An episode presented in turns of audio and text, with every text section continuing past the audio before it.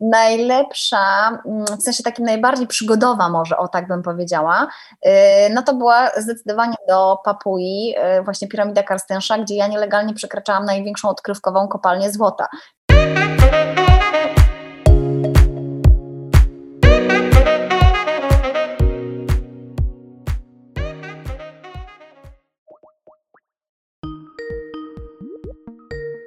Dzień dobry, witam w najnowszym odcinku no, podcastu Nowoczesny Lider. Dzisiaj moim gościem jest Miłka Rawlin. Cześć Miłko.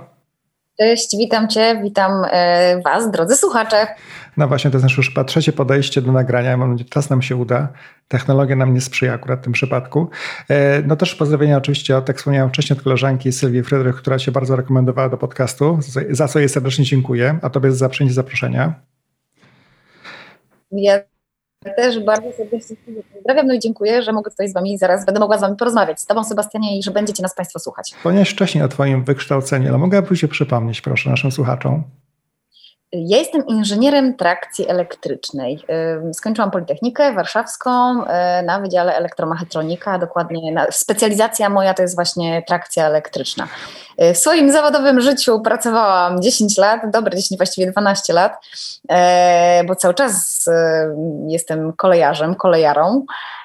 No i tak jak wcześniej wspomniałam Ci, zajmowałam się właśnie kolejowymi sprawami. Siecią trakcyjną, e, napędami zwrotnicowymi, konstrukcjami wsporczymi, także o, taka ciekawostka. Co prawda to nie ma nic wspólnego z tematem pewnie ogólnie rozmowy, ale pomyślałem sobie, że mam kolegę również, który skończył technikum kolejowe i pamiętam, że zabawiał nas takimi smaczkami w różnicach taboru kolejowego na trasie E, Poznań Kraków przez 6 godzin, nie umierając ze śmiechu. Jestem bardzo ciekaw, czy wiesz, jakie są różnice między koleją 111EB a 111ED?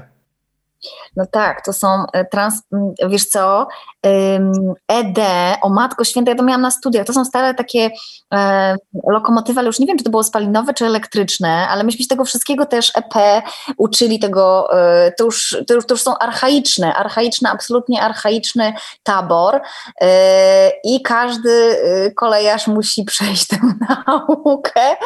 E, ale no, trochę musiałabym sobie poprzypominać, jak, co te oznaczenia mm, dokładnie y, znaczyły, nie? Co, co, co te literki dokładnie znaczyły. Ale ty mówisz, że was zabawiał kolega, ja w to nie wierzę, bo to po jakimś czasie robi się męczące, rzeczywiście my, y, inżynierzy, inżynierowie, którzy zajmują się koleją, trakcyjnicy, to są zboczeni, ja, przepraszam za taki kolokwializm, ale e, bo jak idziemy rzeczywiście e, gdzieś e, w miasto na tak zwany obchód, żeby zobaczyć jak ta sieć trakcyjna wygląda, na wizję lokalną, no to oczywiście patrzymy się na to, jakie są izolatory sekcyjne właśnie, jaka to jest, jaki to jest typ sieci, no, słuchajcie, ten, ten obszar jakby kolejnictwa, on się dzieli na bardzo różne sektory, bo jest i zasilanie, właśnie właśnie sieć trakcyjna i konstrukcje sporcze i y, sygnalizacja, także tutaj i tabor, tabor, o którym twój kolega wspominał, że tutaj można by było gadać i gadać. Jeszcze to jest mm, śmieszne, że on zajmuje się ogólnie w bezpieczeństwem ogólnie mm, informatycznym bardzo dużej korporacji, więc w kontekście jego pracy, jak ja go znałem, jego wiadomość, jego wiedza z zakresu taboru kolejowego była prześmieszna po prostu. I w ogóle ma taki sposób e, dar do padania o rzeczach różnych, sposób bardzo angażujący. Także go też serdecznie pozdrawiam. Ale tak naprawdę to, co e, oczywiście przykuwa uwagę do ciebie, Miłka, bo to nie jest jakby absolutnie trywialna sprawa, no to jesteś najmłodszą Polką, która zdobyła koronę Ziemi.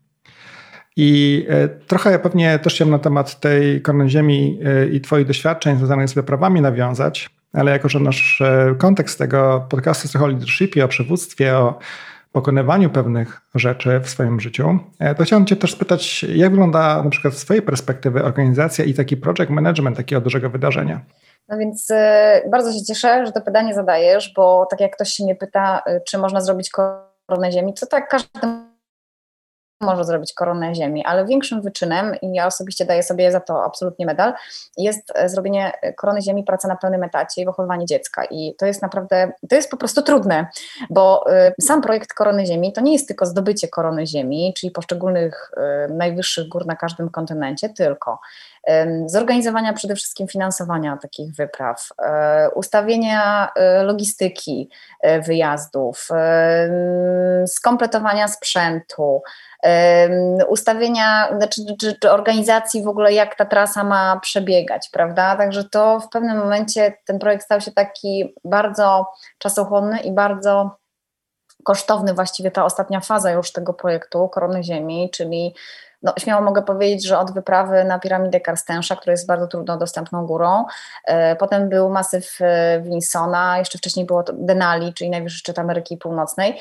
E, to są już takie bardzo kosztowne wyprawy, bardzo kosztowne szczyty.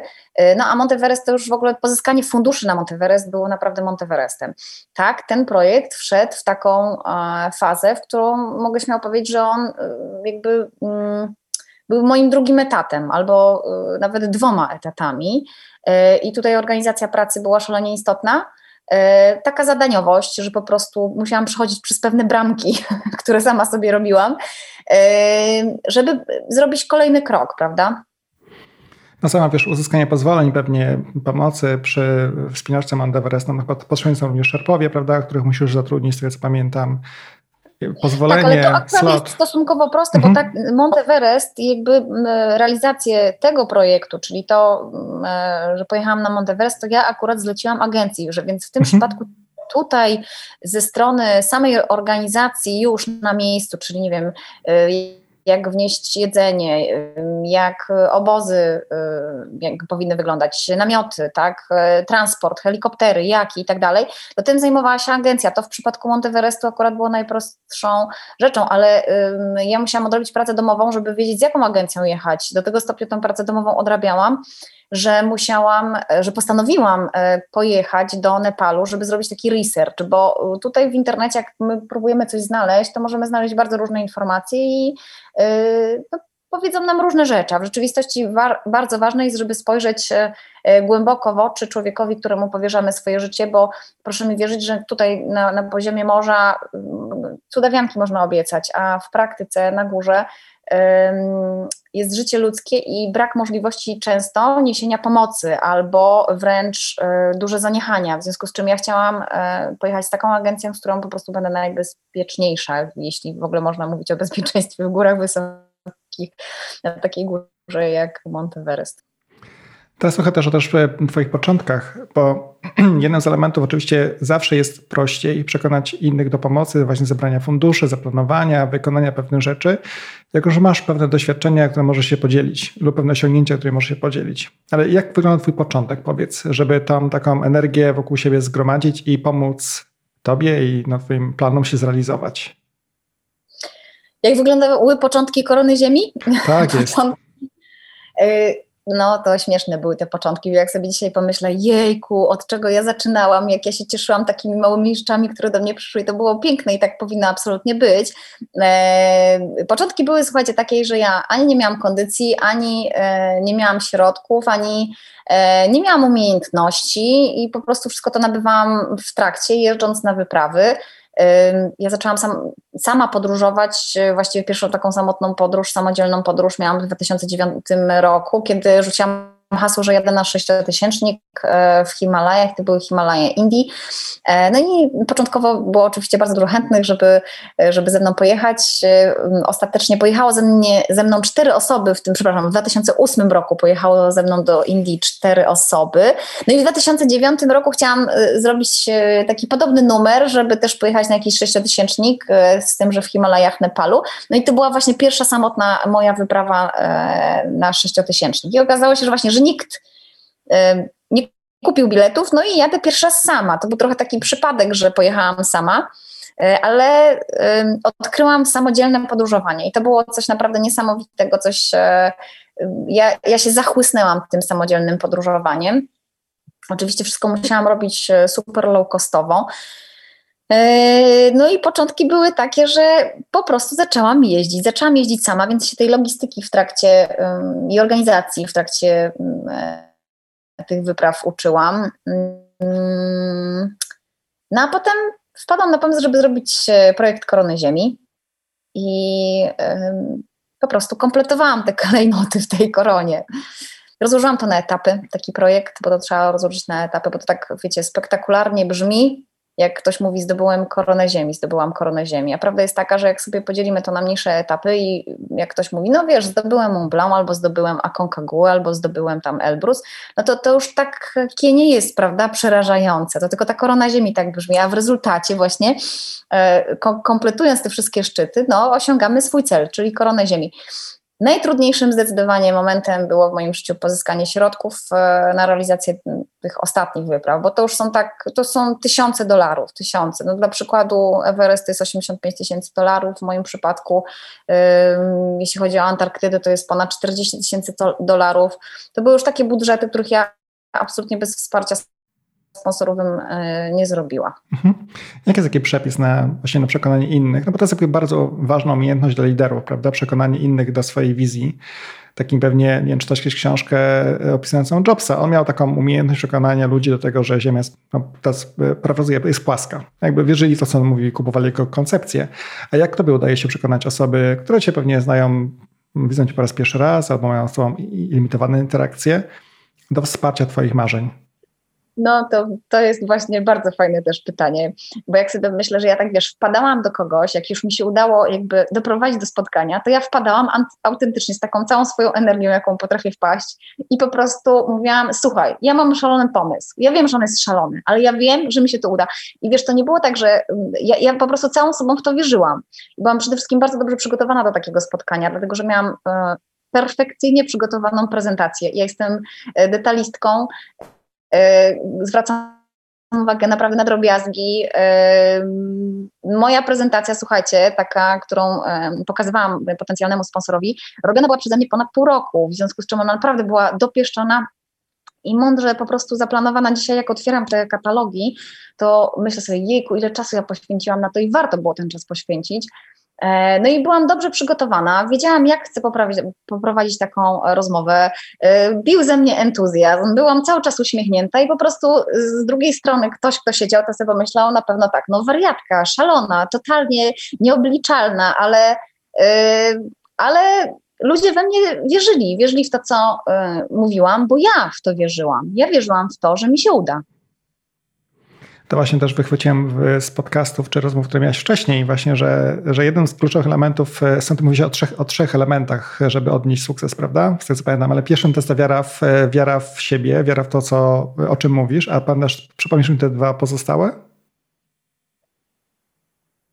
No, przede wszystkim to ja zawsze wychodziłam z założenia, że warto to, co mamy w głowie, sobie gdzieś spisać. Więc pierwszym takim elementem jest. Yy, spisanie swoich marzeń na kartkę, bo jak my coś y, zapisujemy, to mi się wydaje, że nadajemy temu jakiś taki bieg, jakąś energię, przelewamy na papier, prawda, że to tylko nie w naszej głowie, czyli ta energia nie jest tylko w naszej głowie, tylko ta energia już jest, zostaje taka namacalna. Ja miałam taki system, że naklejałam po prostu kartki w łóżku na, na, naprzeciwko jakby mm, e, ściany, gdzie, gdzie otwierałam oczy, E, I pierwszą rzeczą, jaką widziałam w moim pokoju, to były te kartki, w których było napisane, że ja coś zrobiłam już, czyli dokonałam czegoś, bo ja sobie nie pisałam, że uda mi się zdobyć, tylko że pytałam, znaczy pisałam na tych kartkach, zdobyłam Mount Everest, tak, albo zdobyłam e, Kilimandżaro, albo cokolwiek tam innego, co sobie wymyśliłam.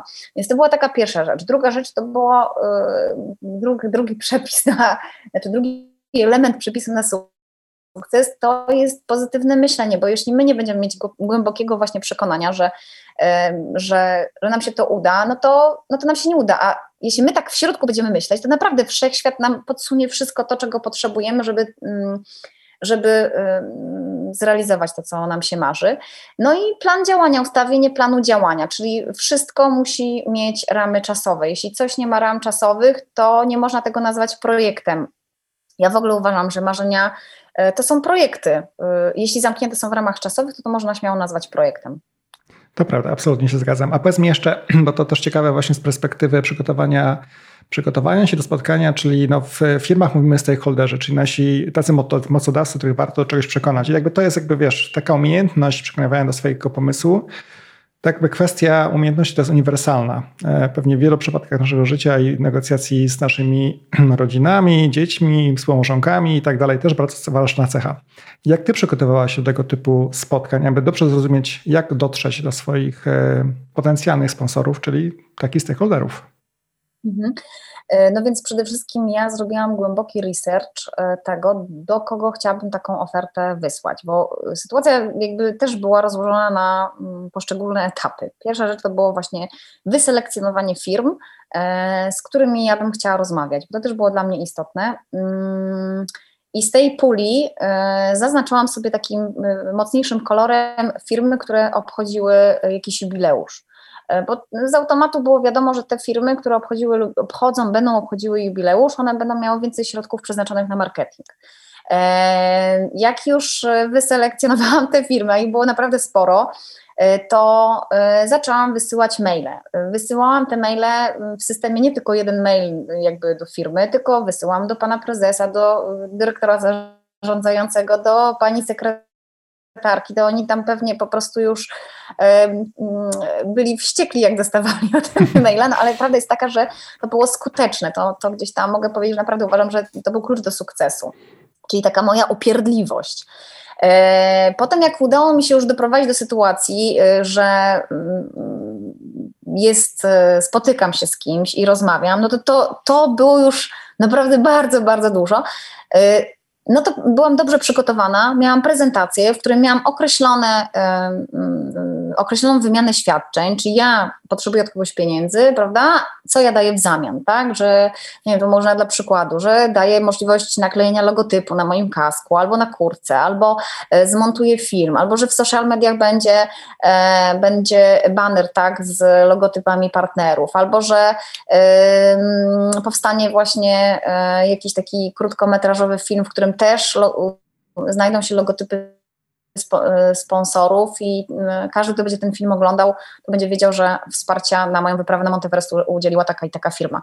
E, no dużo tych było, dużo tych opcji było i też nie zamykałam się na to, że to, co ja proponuję dla danej firmy, to musi być idealne, bo każdy ma wizję, każdy mm, prezes ma wizję, jak, co jest najlepsze dla jego firmy, w związku z czym tak naprawdę jeśli ktoś miał jakiś pomysł, to ja się po prostu starałam dopasować i zastanawiałam się, jak zrobić, żeby Mm, żebyśmy wspólnie osiągnęli sukces, bo tak naprawdę to chodziło o strzelanie do jednej bramki. Myśmy mieli razem do jednej bramki strzelać. E, dokładnie też, myśmy rozmawiali ostatnio, nie, nie słabo słyszałaś, ale nawet, w kontekście nawet mojej firmy, pomyślałem sobie w pewnym momencie, że jakby e, twoje podejście i twoje projekty, które robiłaś, czy robić będziesz, są bardzo dobrze połączone z tym, co robi moja firma na przykład. I i, I, to jest pewnie jakiś etap synergii, który można wtedy znaleźć, podejmując współpracę z taką osobą jak ty właśnie. Także masz rację, mi się wydaje, że trzeba być otwartym i trochę posłuchać też potrzeb tych e, decydentów, na czym im zależy. Jeżeli to się wpisuje w twoje, wiesz, twoje wartości i w to, co robisz na co dzień, w twoje podróże, no to, to super. No to wszyscy wygrywają i strzelają właśnie gola do tej samej bramki. A powiedz mi... Hmm?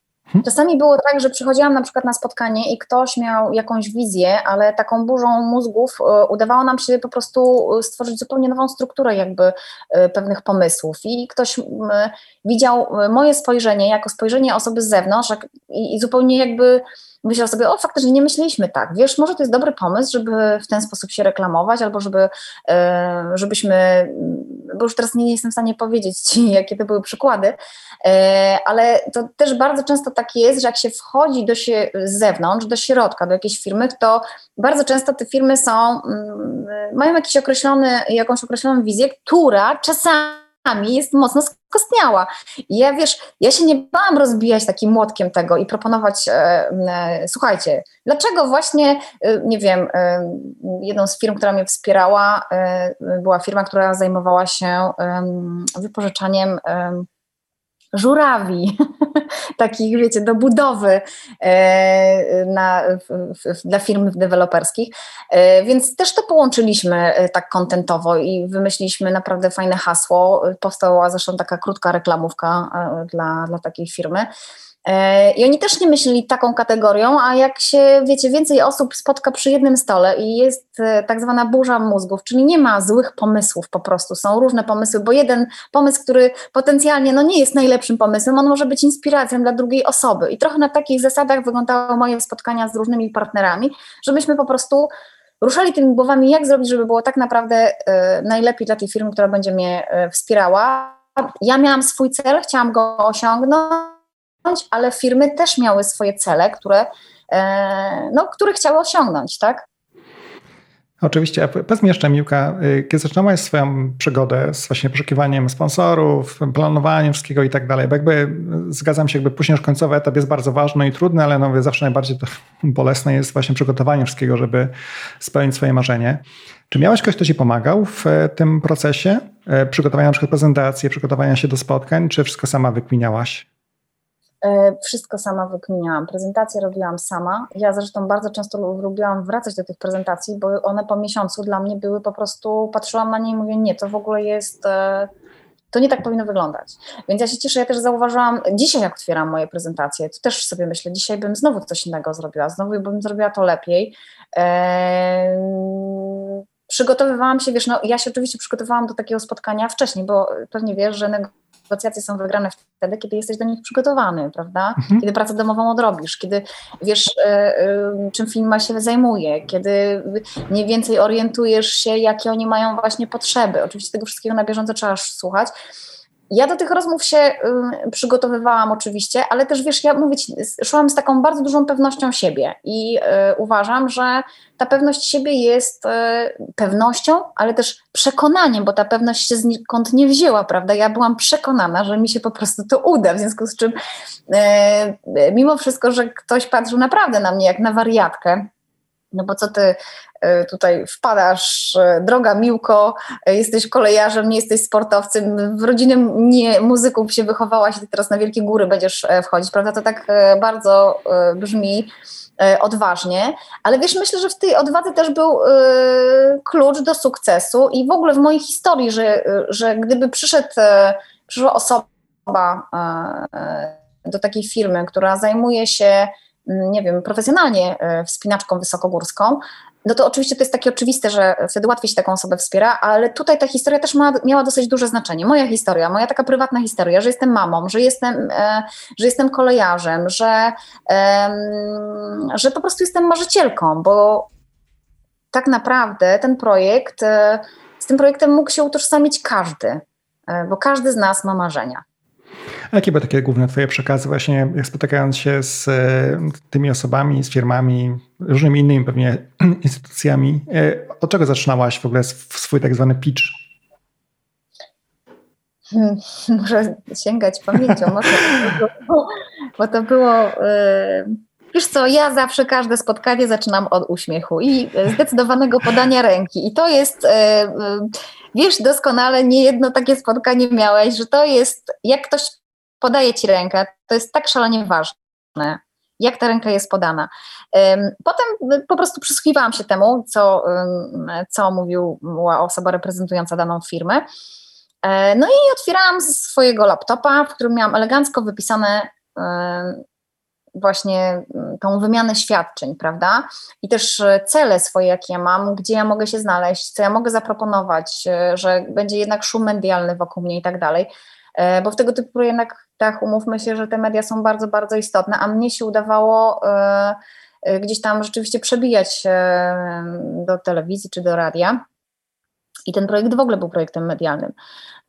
W związku z czym to był, to był taki mój as w rękawie, te media, ale jak wyglądały te spotkania? Boże, no wiesz, te spotkania oczywiście są pewne, mm, pewien wzór, szablon takiego spotkania, ale one wielokrotnie było było tak, że to nie było jedno spotkanie, to było kilka spotkań, prawda, żeby kogoś przekonać. Ale muszę Ci podać jako przykład taką e, też sytuację, że e, na przykład ktoś mi zaproponował jakieś środki i ja odmówiłam, powiedziałam, że ja nie mogę absolutnie zgodzić się na to, bo byłabym nie w porządku i nie fair wobec e, tych firm, które, mm, które zaproponowały mi większe środki i ja musiałabym, wiesz, te same świadczenia dać tu i tu, więc odmówiłam na przykład takiej firmie i powiedziałam, Wiesz, to też była kwestia, i powiedziałam, że się nie zgadzam. To była też kwestia tego, że y, ja wiedziałam o tym, że ja nie chcę mieć tysiąca małych logotypów y, na swoim kombinezonie, tylko że chcę mieć y, kilka konkretnych logotypów i ewentualnie jakąś taką grupę partnerską, którą chciałabym stworzyć. I to mi się udało zrobić. I proszę, wierz mi, że poszłam kiedyś na spotkanie, gdzie ktoś mi mówił, że mam w budżecie 17 tysięcy złotych. Ja mówię, super ekstra, 17 tysięcy to jest bardzo fajna kwota, tylko że ja nie, nie potrzebuję 17 tysięcy złotych, tylko potrzebuję 17 tysięcy dolarów. I i udało mi się z tą kwotą wyjść z tej firmy, e, no bo e, ja też byłam do tego stopnia zdeterminowana, że ja wiedziałam, że każde środki, których mi nie uda się pozyskać w trakcie takiej rozmowy, ja będę musiała kombinować jako, jak w jakikolwiek inny sposób. Z automatu będę mniej przygotowana fizycznie i technicznie i będą mniejsze szanse na to, żebym ja ten szczyt zdobyła. A zdobyty szczyt to jest sukces, e, wspólny sukces, więc e, ja sobie stawiałam po prostu bardzo twardo kreskę taką negocjacyjną. Były tam pola, e, pole, gdzie mogliśmy rozmawiać, jak zawsze, ale to nie mogło być, wiesz, to nie mogła być strefa bólu, bo dla mnie tą strefą bólu no, mogłaby być nawet i utrata życia, prawda, gdybym, e, gdybym e, źle to wszystko zorganizowała. Ja nie mogłam sobie na to absolutnie pozwolić. Życia, zdrowia, w ogóle już takie straszne rzeczy mówię, że nie chcę o tym mówić. Zajrzyj koniecznie na blog nowoczesnylider.pl, gdzie znajdują się dodatkowe materiały dotyczące tego podcastu. Znaczy, przepraszam, tak o to dopytywałem, ale wiesz, jakby umiejętność przekonywania do swoich pomysłów i racji, czy tak zwany, wiesz, e, pozytywny wpływ na to, co się dzieje wokół ciebie, to nie jest, łatwa, to nie jest łatwy talent, e, który ludzie mają. Wiesz, tak, tak, dlatego to dopytuję, bo wiele osób, wiele idei tak naprawdę ginie na początku już, na, na samym początku, kiedy jest to źle opowiedziane i Masz tutaj przykład, y, powiedzmy, że twoje, twoje projekty były takim startupem, który realizowałaś od małego pomysłu, od, od wielkiego pomysłu, ale małymi krokami. Tak masz x różnych startupów, które my przykład coachujemy, mentorujemy na co dzień, które przechodzą przez takie same rzeczy, czyli jak przekonać, jak pozyskać, jak wypłynąć, jak się rozwinąć i tak dalej. Oczywiście y, startupy informatyczne, technologiczne mają swoje inny kierunek rozwoju oczywiście niż twój plan, twój pomysł, ale na sam koniec dnia te narzędzia, umiejętności są bardzo podobne, wiesz, też bez względu na to, jaki projekt realizujesz. No ale czy nie zgodzisz się ze mną, że generalnie rzecz biorąc, e, co ty byś od kogoś kupił? Kupujesz coś od człowieka, prawda? Tak. Bo załóżmy, że ja kupiłam do kogoś tak. E, z produktem. Tym produktem w tym wypadku byłam ja, ja i mój szalony pomysł. W związku z czym tak naprawdę ja poza e, moją koncepcją sprzedawałam siebie. E, to, co ja starałam się na spotkaniu pokazywać, no to taką otwartość i szczerość, prawdomówność, bo, bo ja taka po pierwsze jestem, a po drugie uważam, że to jest najlepsza metoda w ogóle robienia biznesów. Y, ja jestem, wiesz, y, pracowałam bardzo długo w kolejnictwie z kolegami, z, którzy są dużo, dużo starsi ode mnie i ja się tak nauczyłam robić biznesy z wzajemnym szacunkiem, z, z wzajemnym zrozumieniem, z otwartością na drugiego człowieka i z transparentnością. Taką transparentnością, jaką powinniśmy w biznesach mieć, jeśli robimy tego typu jakby wymianę oczywiście E, świadczeń, tutaj mówię sponsor, tak, osoba, e, która jest wspierana. I ja przychodziłam do jakiejś firmy i ktoś kupował mnie tak naprawdę. E, szaloną, uśmiechniętą miłkę, która po prostu wpadała jak tornado, bo to trochę tak czasami wyglądało, jak ja z tymi pomysłami wpadam. Wiesz, czasami było tak, że wpadałam z niektórymi pomysłami do moich partnerów i sponsorów za 5-12 i myślę sobie tak, jestem szalona, wiem i jest to totalnie nieodpowiedzialne, ale mówię akurat o y, naszych festiwalowych działaniach, y, które realizowałam, bo udało mi się też zorganizować, zrealizować festiwal, który możecie Państwo efekty tego festiwalu zobaczyć w internecie na stronie www.festiwalsiłymarzeń.pl. No i jak wpadałam z takim pomysłem, ja wiedziałam, że jest bardzo, bardzo późno, e, to jedyną takim argumentem, który w ręku miałam, to było to, znowu ta moja wiara i to szaleństwo, które w sobie miałam i ja wiedziałam, że to się po prostu uda. Poza tym, wiesz, ja jestem totalnie nakręcona, jak robię coś e, pierwszy raz i jak robię coś nowego. Ja się uwielbiam uczyć, ja się uwielbiam um, poznawać, e, więc ja wiedziałam, że mnie czeka po prostu jedna wielka przygoda, a że przywiązuję bardzo dużą jakość y, do właśnie do jakości wykonania wszystkiego, co robię, e, to wiedziałam, że oddam to w takiej jakości, że ten ktoś będzie zadowolony z tej współpracy. Bo ja, gdybym oddała coś w złej jakości, ja bym była bardzo na siebie zła. Ja bym nie mogła spać, wiesz? I to też jest to, e, co myślę, że gdzieś tam przekonuje moich partnerów do dzisiaj do tego, żeby ze mną współpracować. 100%. Powiem Ci, że na przypadku inwestycji w startupy na przykład, i to nie tylko w Polsce, wszędzie de facto inwestuje się w ludzi i w ich pomysły, bo e, Statystyki, statystyki mówią, teraz nie pamiętam, to 70 80% założeń business case'ów, które na początku startup ma, jest do, do śmieci de facto po pierwszym kwartale ich pracy. Więc pytanie jest, czy ten startup, czy ten zespół jest w stanie wiesz, zmienić swoje podejście, być elastycznym, na to, żeby dopasować się do tego, co faktycznie rynek potrzebuje, czy co klienci potrzebują.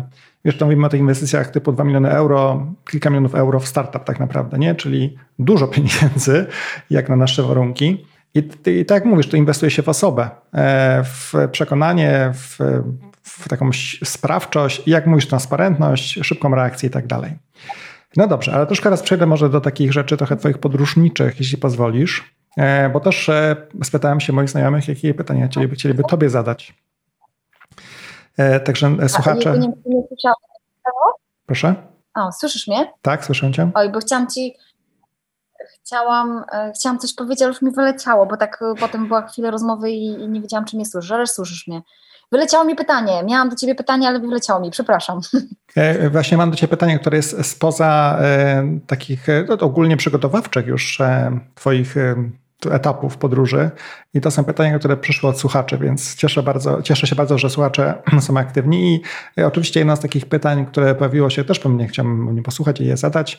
Twoja najlepsza, ale też najcięższa wyprawa do tej pory, jaką przeżyłaś? Najlepsza i najcięższa. No to najlepsza? No i najlepsza, najlepsza czy najcięższa? Najlepsza i później ta najcięższa.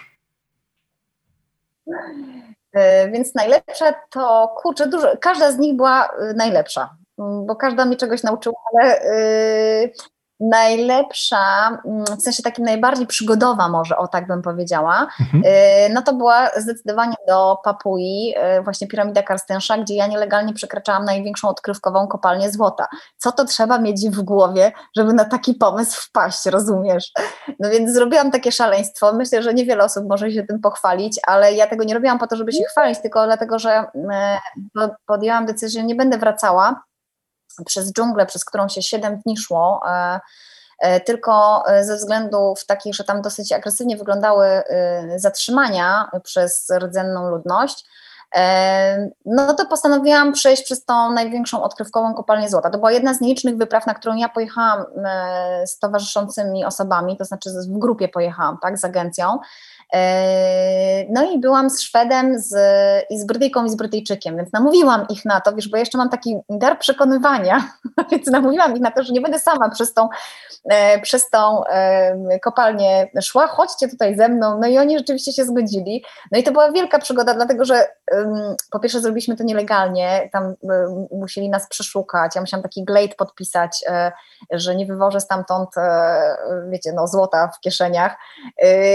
I wywozili nas stamtąd takimi opętarzonymi samochodami. W ogóle sam fakt bycia w największej kopalni odkrywkowej, e, po prostu to, to był totalny sztos, to był po prostu, to było tak niesamowite. E, ja zresztą tam trzy dni spędziłam z lokalnymi papułasami, w ogóle gdzieś w jakiejś e, nawet nie wiem jak to nazwać, to miejsce, bo to było ich schronienie, ale wyobraź sobie śmietnisko, e, jak wygląda śmietnisko, no to ja na takim śmietnisku przez trzy dni spałam.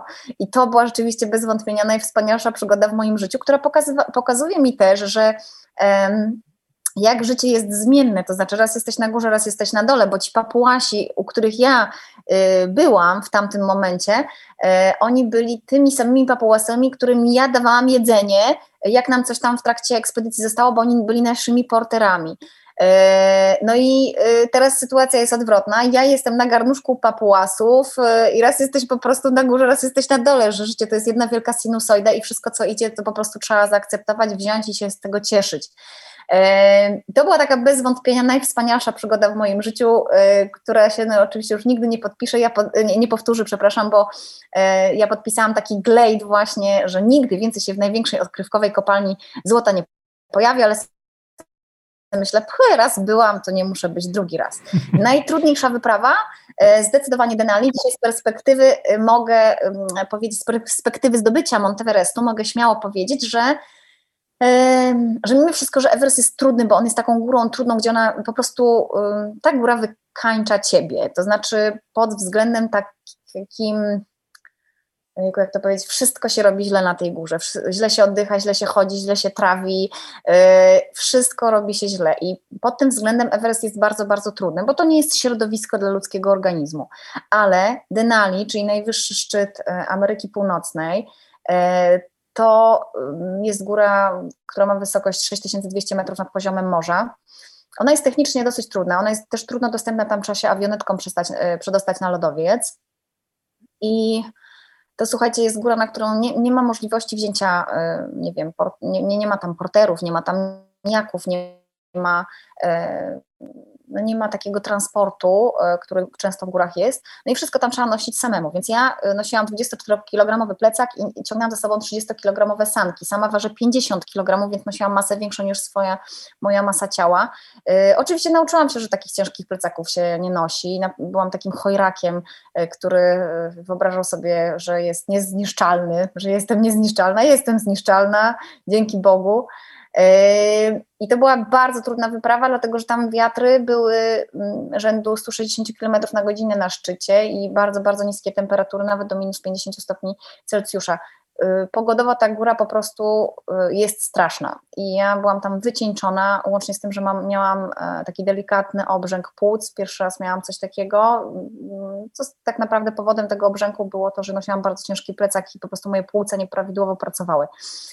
Także to była najtrudniejsza wyprawa. Y, ale jeszcze wracając do tamtej naszej rozmowy y, dotyczącej tego, jak to się dzieje, y, że się coś udaje, bo mm, rozmawialiśmy o tym, jak ci się udało przekonywać ludzi. Wiesz co, tak sobie myślę o tym, że te moje projekty w ogóle bardzo często wiążą się z ludźmi i bez nich totalnie nic by nie było. I myślę sobie tutaj o na przykład o festiwalu, który organizuję, że y, udało mi się po prostu wokół siebie zgromadzić takich nieprawdopodobnie fantastycznych, y, fantastyczne osoby.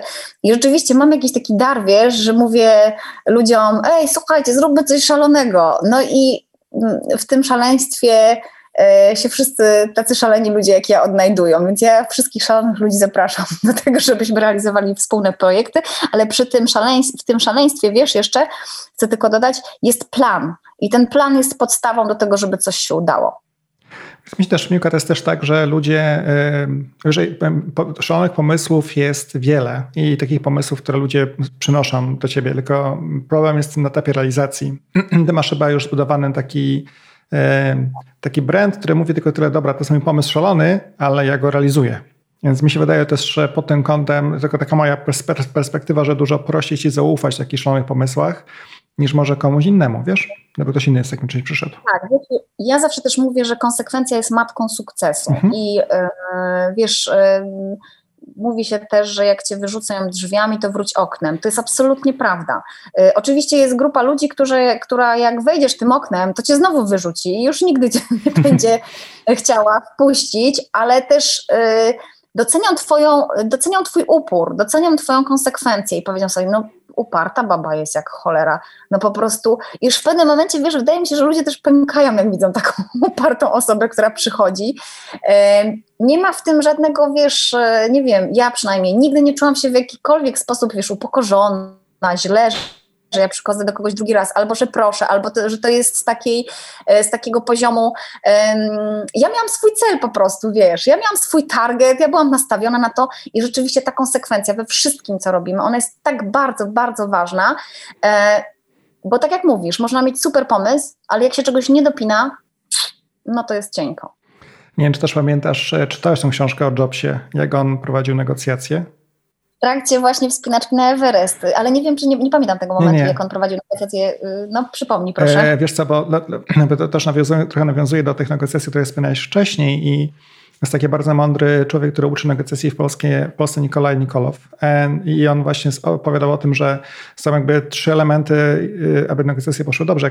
Dobre przygotowanie oczywiście to jest jedno, ale również środowisko, którym się negocjuje. Czy żeby było dużo powietrza, żeby było jasno i żeby była woda. No wtedy człowiek myśli rozsądnie, rozsądniej.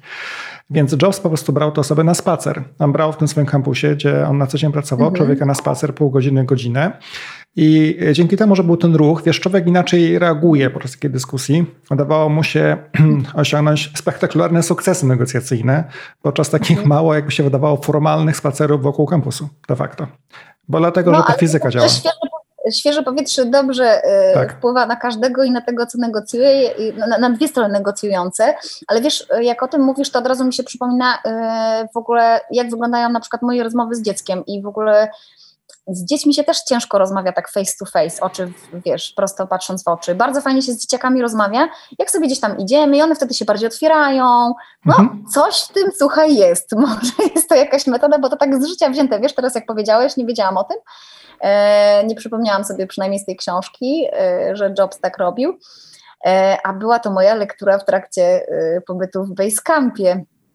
E, no i rzeczywiście coś, coś może rzeczywiście w tej metodzie być. Muszę zacząć, słuchaj, brać e, moich potencjalnych e, kontrahentów na spacery po prostu i tyle. A teraz mamy okazję do tego, bo jak tak dużo siedzimy w domu, no to dlaczego by na spacer nie wyjść, prawda? Na pewno to jest coś, myśmy też mieli, wiesz, w niektórych firmach taki zwyczaj, żeby jeśli ktoś ma oczywiście no to zgodę i tak dalej, żeby tak zwane spotkania twarzą w twarz, takie one-to-one odbywać też na spacerze. Jakby jeśli nie musisz tego robić w zamkniętym pomieszczeniu, potrzebujesz laptopa, nie potrzebujesz laptopa, no to się przejdź na spacer. I to są ludzie bardzo sobie chwalą, ale ogólnie jako, bo tak element światło, powietrze, ruch powodują, że ludzie się bardziej rozluźniają, są bardziej otwarci, lepiej myślą. A jak pijesz dużo kawy, siedzisz w zamkniętym pomieszczeniu, nic nie robiłeś cały dzień, no to ta elastyczność taka umysłowa jest trochę mniejsza wtedy ogólnie.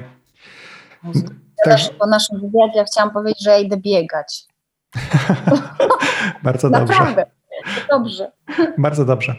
E, natomiast ty mieszkasz w Warszawie, tak? Czy ja się mylę? Gdzie mieszkasz, Miłka? Tak, tak. Ja mieszkam w Warszawie. Znaczy, Jestem obywatelką e, miasta, w którym się znajduję. Obecnie mieszkam w Warszawie, ale wiesz, jestem gdynianką. E, przeprowadziłam się do Warszawy, potem był okres, że mieszkałam w Częstochowie, potem wróciłam do Warszawy. Dzisiaj tak naprawdę, mimo wszystko, że mieszkam w Warszawie, to dużo więcej czasu spędzam w Słupsku e, ze względów prywatnych, ale w ogóle mi to, wiesz, nigdy w życiu nie przeszkadzało, żeby zmieniać lokalizację i myślę, że to też jest fajne, żeby się adaptować do tego po prostu środowiska, w którym się jest.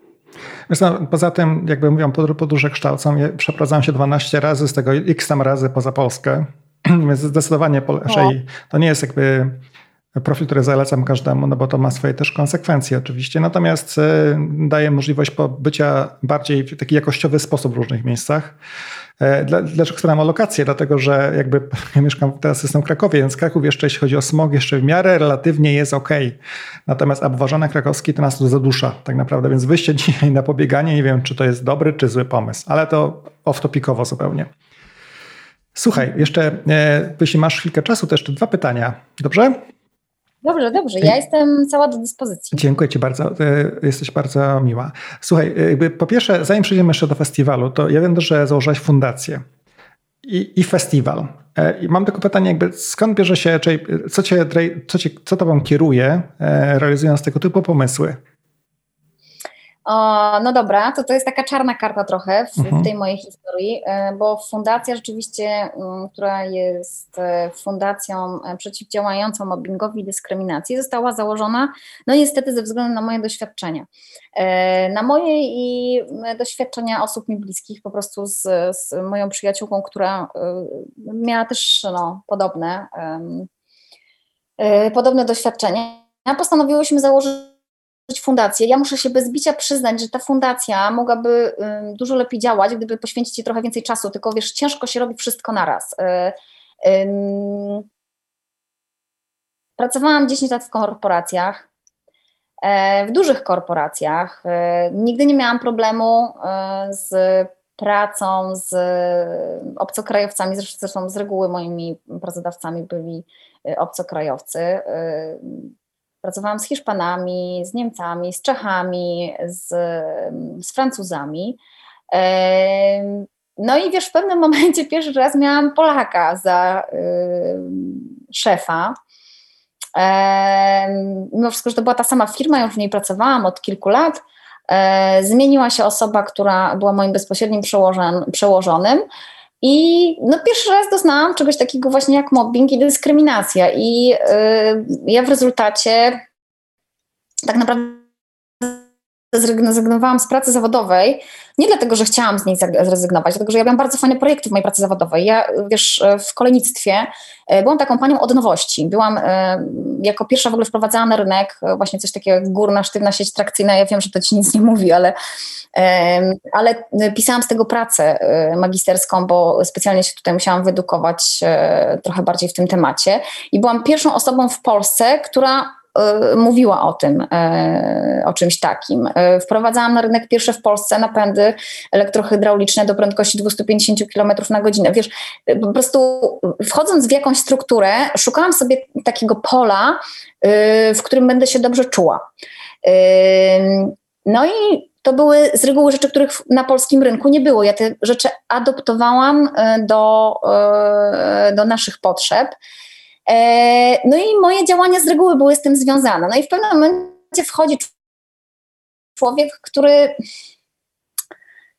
nie wiem, wiesz, no, to, to, ja nawet gdzieś tam wykreślam to po prostu z, z głowy. Nie chcę o tym jakoś tak mówić negatywnie, bo ja to już po prostu wszystko przeszłam. Który Powiem Ci, że ciężko mi o tym mówić, wiesz? Ciężko mi o tym mówić, bo ja jestem w ogóle taką osobą, która chce powiedzieć tylko i wyłącznie dobre rzeczy, ale w pewnym momencie y, moje środowisko pracy stało się po prostu piekłem.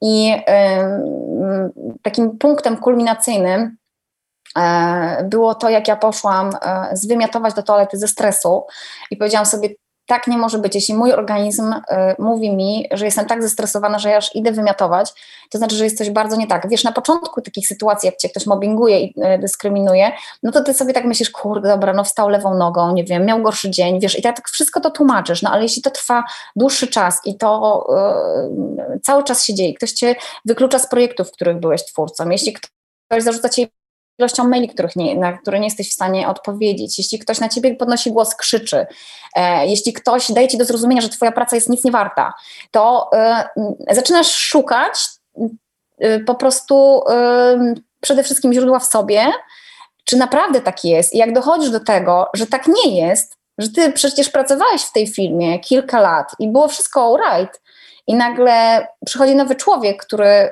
któremu ty zaczynasz raportować, musisz, e, prawda, zacząć raportować nowej osobie, no to zaczynasz szukać czegoś takiego w internecie, jak właśnie mobbing i dyskryminacja, bo u mnie tutaj były akurat te dwie rzeczy występowały. No i ta fundacja tak naprawdę powstała dlatego, dlatego że mam takie doświadczenia i mimo wszystko, że jestem osobą silną i e, osobą e, taką, wydaje mi się, twardo stąpającą po ziemi, to e, w, myśl zasady krople drąży skałę, nawet mocną skałę można wydrążyć i złamać, jeśli robi się to sukcesywnie i no i konsekwentnie. I tu widzisz, ta konsekwencja ma dwie, dwie strony, prawda? Może być taka pozytywna konsekwencja, może być też taka konsekwencja, która w efekcie ma bardzo negatywne skutki. Także tak, dlatego powstała fundacja. No może dodam tylko, wiesz, e, tutaj Miłka, że w ogóle ogólnie już pomijając oczywiście mobbing i dyskryminację, które są absolutnie nie, nieakceptowalne, ale jednak mamy, wydaje mi się, cały czas jeszcze lekcje do zrobienia na kontekście różnic kulturowych, bo to nie jest łatwy temat również. Jak ktoś nie pobył dłużej w jakimś miejscu, to ciężko mu pewnie zrozumieć inne kultury. Ale ja pamiętam, że miałem taką dyskusję z swoim kolegą e, z Indii i mówiłem, właśnie też mówiliśmy o pracy, ja mówię, że ja chciałbym mieć, e, robić życiu fajne, życiu fajne rzeczy, ponieważ mam jedno, mam jedno życie. I zaraz dodałem, ale ja wiem, że ty wierzysz w reinkarnację, więc w moim przypadku może być inaczej. Strasznie się uśmiał z tego e, mojego refleksu, no bo faktycznie w hinduskiej, wiesz, e, w wierzeniu to tak jakby to tu i teraz jest tu i teraz, ale przyszłość jest jeszcze przed nimi tak naprawdę. Tak. No to fajnie. No to fundację mamy. Jakby rozumiem, że tematy ogólnie, które poruszyłaś, nie są łatwe. Mam nadzieję, że też rynek zmienił się bardzo mocno w Polsce w ostatnich latach, jeśli chodzi o podejście do równouprawnienia i, i myślę, że akurat tutaj zachodnie korporacje mają ten jednak dobry wpływ na mm, polską ekonomię i gospodarkę, bo wniosły nowe standardy. Ale powiem że teraz często jest tak, że tutaj nawiązując do aktualnych sytuacji na naszym, w naszym kraju, no to niektóre firmy zadają pytania, czy nadal warto w Polsce inwestować ze względu na to, że jednak te mniejszości są mm, w jakiś sposób zagrożone według przejętych korporacji, więc to jest nie tylko element takiej lokalnej polityki, ale również globalnej ekonomii. A teraz jeszcze powiedz o festiwalu, bo widziałem, że masz bardzo fajnych y, prelegentów na festiwalu, przynajmniej drugiej edycji. Nawet chciałem cię spytać, czy, y, czy pan Fiedler to jest jakby y, członek rodziny Fiedlerów? Arkady Paweł? Tak. Tak, tak, tak. Arkady Paweł jest właśnie tym Fiedlerem, o którym myślisz i jak ja pojechałam na wywiad, to przygotowując się do tego wywiadu, nie miałam żadnego pojęcia, że tam jest po prostu tradycja nazywania każdego, każdej, każdego chłopca właśnie Arkady Fiedler, w związku z czym oni mają pierwszą, pierwsze imię inne, a drugie imiona mają, o przepraszam, Y, Arkady to jest pierwsze imię, tak, a potem jest Paweł Fidler albo Arkady Antoni Fidler i tak dalej. Ale to jest właśnie ta rodzina. Y, no mieliśmy okazję y, być, nagrywać w ogóle ten odcinek w ich muzeum, które mają zresztą na swoim podwórku w domu, to, to jest niesamowite. Jest tam, słuchajcie, postawiona taka replika jeden do jeden Santa Maria, czyli statku, który dobił do brzegu Ameryki, którym Kolumb dopłynął do Ameryki. E, no ciekawe muzeum, w ogóle każdy z tych naszych gości był niesamowicie e, ciekawy, a mieliśmy między innymi e, no, takie osobistości jak Krzysiu Wielicki, u którego jedliśmy pesto, piliśmy winę i rozmawialiśmy u niego w ogródku, jak Czesiu Lang, z którym się spotkaliśmy na torze kolarskim w Warszawie, jak Olek Doba, z którym siedzieliśmy w kajaku, opowiadając o jego niesamowitych podróżach, bo Olek absolutnie udowadnia, że wiek to tylko liczby, no mieliśmy tych gości naprawdę kurczę wielu, bo wyprodukowaliśmy 17 odcinków. E, ten pomysł w ogóle się wziął stąd i to był właśnie jeden z takich pomysłów, że ja e, wiesz, w takim rozkroku stałam, co robić, kurczę, czy mm, zrobić tą drugą edycję festiwalu, bo jednak jest to młody festiwal. To młode festiwale mają to do siebie, że one mm, muszą nabrać jakby takiej e, grup, grupę swoich wyznawców muszą mieć, ale ta grupa wyznawców, ona się buduje, prawda, przez lata. E, w związku z czym, no, dostaliśmy trochę mm, po nosie, zresztą tak oczywiście jak wszyscy, ale myślę, że dla takich młodych festiwali jak e, Festiwal Siły Marzeń to było dosyć trudne, trudna decyzja, no bo, yy, no bo my właśnie nie mieliśmy tych swoich, tych jeszcze nie mieliśmy tej zbudowanej grupy odbiorców yy, swojej, ale postanowiliśmy pójść jakby w odcinki internetowe z dostępem absolutnie dla każdego. Każdy może do dzisiaj zresztą obejrzeć na, na YouTube to, co udało nam się zrobić. I to jest super efekt, muszę przyznać szczerze. E, no dlatego, że mm, wyszło nam naprawdę, wyszły nam fajne po prostu te odcinki, ale też, wiesz, ja się znowu kolejnych nowych rzeczy uczyłam. Nigdy się nie zajmowałam tak profesjonalnie produkcją. Hmm no umówmy się, telewizyjną, bo to jest produkcja telewizyjna już jak w takiej, w takiej ilości, no, kiedy robi się 17 odcinków, to jest produkcja telewizyjna.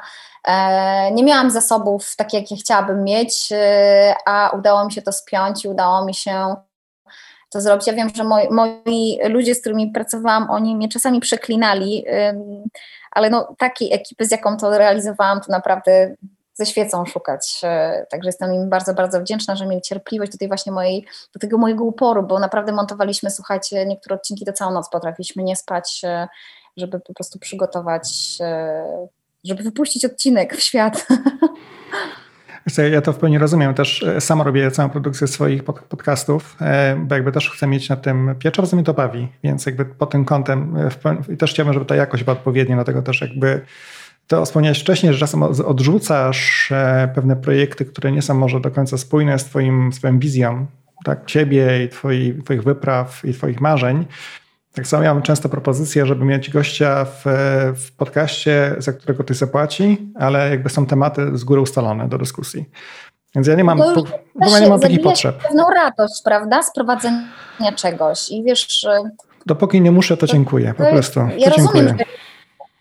Tak, tak, ja rozumiem Ciebie absolutnie, bo y, myślę sobie, że y, mogłabym się spełnić jako prowadząca jakiś program i może tak się wydarzy w moim życiu, y, ale też sobie myślę, kurczę, ktoś mnie wrzuci kiedyś i to nie, w jakieś tryby, w których może ja się nie będę do końca dobrze czuła, a tu miałam pełną kontrolę absolutnie nad tym, jak chcę, żeby wyglądał ten odcinek, a to, co chciałam zrobić poprzez jakby wyprodukowanie festiwalu w internecie, to przede wszystkim inspirować innych. I to, to, był mój cel, żeby inni ludzie się inspirowali takimi niesamowitymi ludźmi, żeby już posłuchali ich historii trochę z innej strony, bo wiesz, tutaj jeszcze dosyć dużym plusem było to, że ja znałam każdego mojego rozmówcę, bardziej bądź mniej, ale znałam. I te rozmowy są na totalnym luzie, są prawdziwe, są takie, e, nie, mimo wszystko, że content jest rzeczywiście mocno telewizyjny, to, e, to one po prostu są nie są wymuskane, wiesz o co mi chodzi? Nie, nie są mhm. takie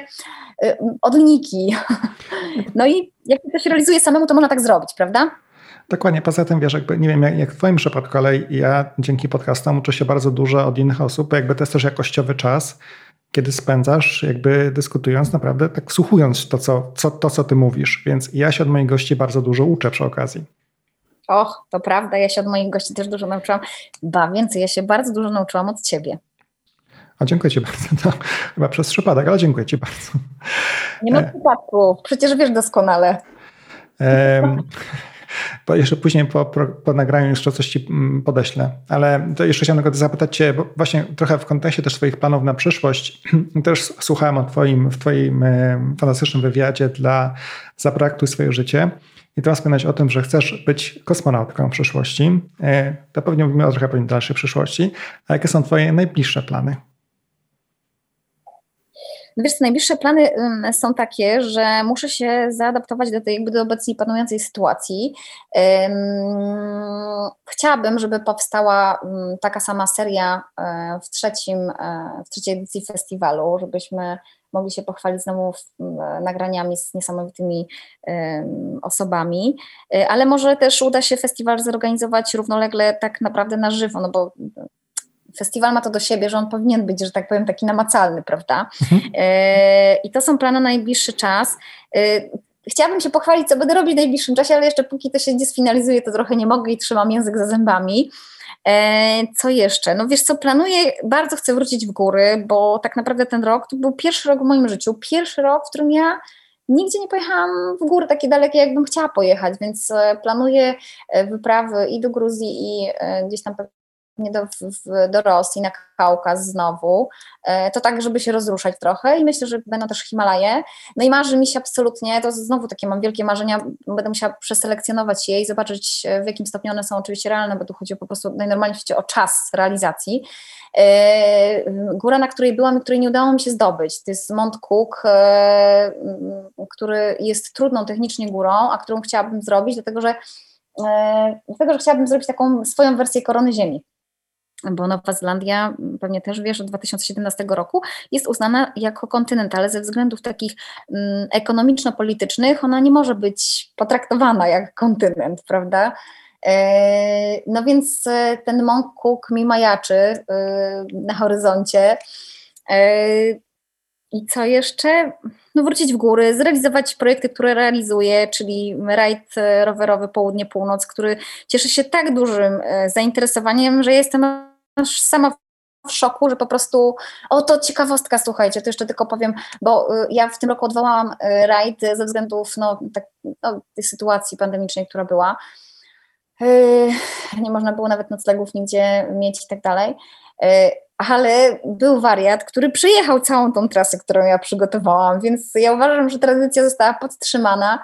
E, bardzo dużo ludzi do mnie pisze, żeby ten rajd się odbył. E, no i fajnie, właśnie poznajmy się w taki sposób. Ja tak strasznie dużo ludzi poznałam. Wiesz, pewien egoizm jest w tych moich działaniach po prostu, bo ja lubię spędzać, ja lubię poznawać nowych ludzi, lubię się uczyć. E, no i przez realizację takich projektów po prostu udaje mi się spełniać swoje, wiesz, marzenia. No, absolutnie i to jest fantastyczne, że właśnie takie projekty, bo ty wiesz, po, po części e, świat, którym ja operuję jest dość zamknięty, bo masz podobne osoby wokół siebie, które spotykasz na co dzień, czy w tej firmie, czy w innej. Natomiast poprzez podcasty, czy inne swoje hobby, czy pasje, poznajesz ludzi spoza tego świata. Tak mi się wydaje. I teraz, e, czy to w przypadku rowerów, poznajesz ludzi zewsząd. Nie wiesz, skąd oni są nawet. I to jest bardzo fajne, bo to daje taką fajne poczucie różnorodności i i takiej nowej, mm, nowych jakichś pasji, nowych osób, nowych, nowych wiesz, fascynacji, które możesz poznać. No, ale wyobraź sobie, że przyjeżdżają ludzie na przykład z Berlina, żeby ze mną przejechać, mhm. albo e, ktoś bierze specjalnie urlop, wiesz, opowiada mi historię swojego życia. E, I to jest, wiesz, fajne, że jedziemy tak naprawdę, jesteśmy dwojgiem os, jakby obcych ludzi, a potem po, po, po, jakimś czasie to już są osoby, z którymi ja jeżdżę kolejny sezon. Mam taką niesamowitą grupę e, blue cykliści, e, to są emeryci z Podkonina, po prostu uwielbiam ich, oni zawsze, słuchaj, na mnie czekają na jakimś rondzie, ja to jestem cała podekscytowana w ogóle, jak do nich jadę, bo y, oni są tacy, wiesz, jak na zawiszy na nich można polegać, deszcz, nie deszcz, wszystko po prostu bez znaczenia, jaka pogoda będzie, ja wiem, że oni będą ze mną jechać i wiesz, jak fajnie jest, jak jedziesz sam, e, i w pewnym momencie dołącza się do ciebie taka grupa y, zwariowanych 60, 60-latków. I po prostu to jest najwspanialsza rzecz na świecie. Y, móc po prostu dyskutować z nimi, rozmawiać, właśnie uczyć się, fajne, bo, bo jednak to wiesz, ta różnica wieku właśnie powoduje, że ja jako młody albo w ogóle fajnym ludziom, już nie tylko mówić, że młodym, fajnym ludziom, ale jednak ten entuzjazm młodości jest taki szalenie istotny. Ja tak sobie myślę, że jestem na takim pograniczu już trochę, ale, ale cały czas się doklejam do tych młodych, naprawdę, ale też mam radość wielką z tego, że jak ktoś przyjdzie do mnie, wiesz, i ma jakiś pomysł po prostu szalony, ja, ja, ja wchodzę w też w pomysły szalone, bo jak ktoś do mnie przychodzi z takim entuzjazmem właśnie, to aż chcesz dać e, z siebie wszystko, co po prostu możesz dać, bo wiesz o tym, że jednak zostawiasz taki element siebie w tej osobie, czy w ogóle w tym projekcie i że, wiesz, to, to znowu taka próżność przeze mnie przemawia, albo taki egoizm, nie wiem, i sobie myślę, kurczę, ale fajnie, no jednak przyłożyłam do tego trochę rękę i taką będę się czuła mamą tego projektu, albo nie wiem, wiesz, to zależy w jakim stopniu się w czym uczestniczy oczywiście, ale wiesz, że fajnie jest coś komuś po prostu dać, widząc, że ten ktoś się rozwija i że, że on się rozwija między innymi dzięki tobie, prawda, bo on się sam musi ten proces rozwoju przejść, ale że ty mu w jakiś sposób pomagasz, prawda? No nie wiem, ja się cieszę móc, ja się cieszę z dawania, nie? Nienawidzę, jak ktoś mi zabiera radość dawania, bo czasami jakimiś wiesz, no nie wiem, no czasami tak w życiu bywa, że ktoś ci tą radość dawania zabiera, no. Zresztą jakby ludzi, którzy chcą, zawsze mówię jakby rolą liderów, że mieli już okazję przejścia przez pewne doświadczenia, plus firmy zainwestowały w nie dużo czasu i energii, inne osoby również, no jakby to powinno być trochę takie, później twoją rolą powinno być oddanie do społeczności. Dlatego też ten podcast powstał, żeby dzielić się dobrymi praktykami i ciekawymi osobami, teraz w, tym, w tej serii ciekawymi osobami. Ale takich osób jest bardzo dużo. E, I, I, wiesz, jakby dzisiaj, jeśli ktoś ma ochotę, to też mogę Ci polecić kilka przynajmniej takich programów, które być może się zainteresują, tak naprawdę. Słuchacze również. Zgadza się. Słuchaj, bardzo dziękuję za, a jeszcze odnośnie kontekście wieku, to jednak e, to cofnę się do twojego sformułowania, że Olek Doba e, stwierdził, że wiek to tylko cyfra, więc jakby w tym kontekście w ogóle się nie martw. Ja staram się żyć tym samym przeświadczeniem. No, to prawda. Tak właśnie, Olek, ja chcę, jak będę duża, to chcę być jak Olek. dokładnie, dokładnie. Bardzo no. dziękuję za rozmowę, Miłka. Bardzo Ciebie było usłyszeć. Życzę Ci powodzenia w Twoich planach. No jak będziesz mogła już odkryć swoje kolejne tajemnice, daj mi znać.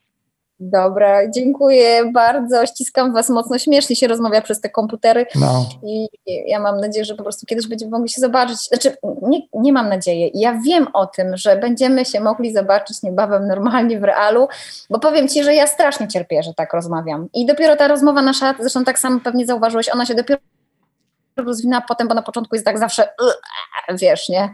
Jak tutaj gadać, jak drugiego człowieka się nawet nie widzi, nie? Pójdziemy na spacer. Pójdziemy na spacer. 100%. To jest też ciekawy pomysł na podcasty, zdecydowanie. E, czy w ogóle na nagrania. E, natomiast masz rację na to. Wiesz, jakby budowanie relacji to nie jest. I tak mi się wydaje, że w podcastach idzie szybko. Ludzie otwierają się w miarę szybko przy, w dyskusji.